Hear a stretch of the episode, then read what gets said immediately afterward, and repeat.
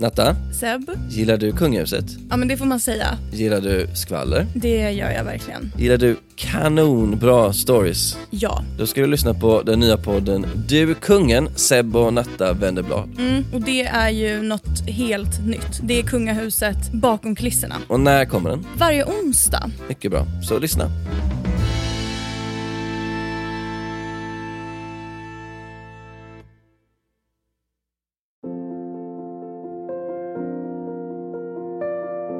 Ett liv innehåller så mycket.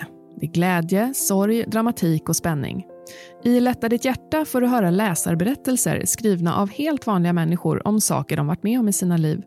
Det kan vara allt ifrån vardagsbekymmer och känsliga dilemman till hemligheter, otrohet, vänskap, syskonrelationer, utbrändhet och svek. Berättelserna kommer från Allermedias familjetidningar och allas.se.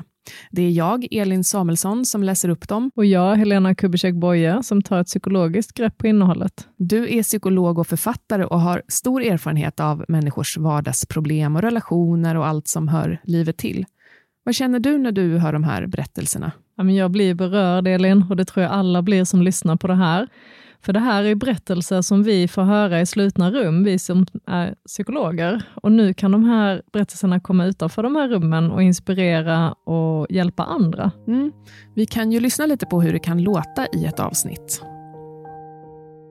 Men så fick jag under några veckors tid en känsla av att någonting för sig gick bakom min rygg, utan att jag kunde sätta fingret på vad det var.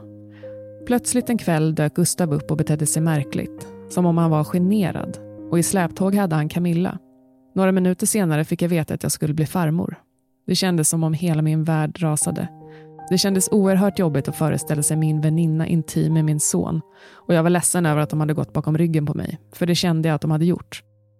Man förstår ju här att Karina är uppriven. När vi lyssnar på berättelsen så får man ju massa frågetecken i huvudet och det är nog någonting som hon såklart har direkt först en chock. Mm. Men eh, jag tror att hon kanske också funderar på hur länge har det här pågått? Har jag missat någonting? Kunde jag ha gjort någonting? Mm. Kanske hon känner sig skuld i det själv, att hon har dragit in den här väninnan i deras liv. Liksom. Så det är både liksom stora och små tankar, tänker jag. Både rent egoistiskt för henne, liksom själviskt, att eh, har hon blivit lurad och sviken av de här, men också tänka på sin sons liv och framtid.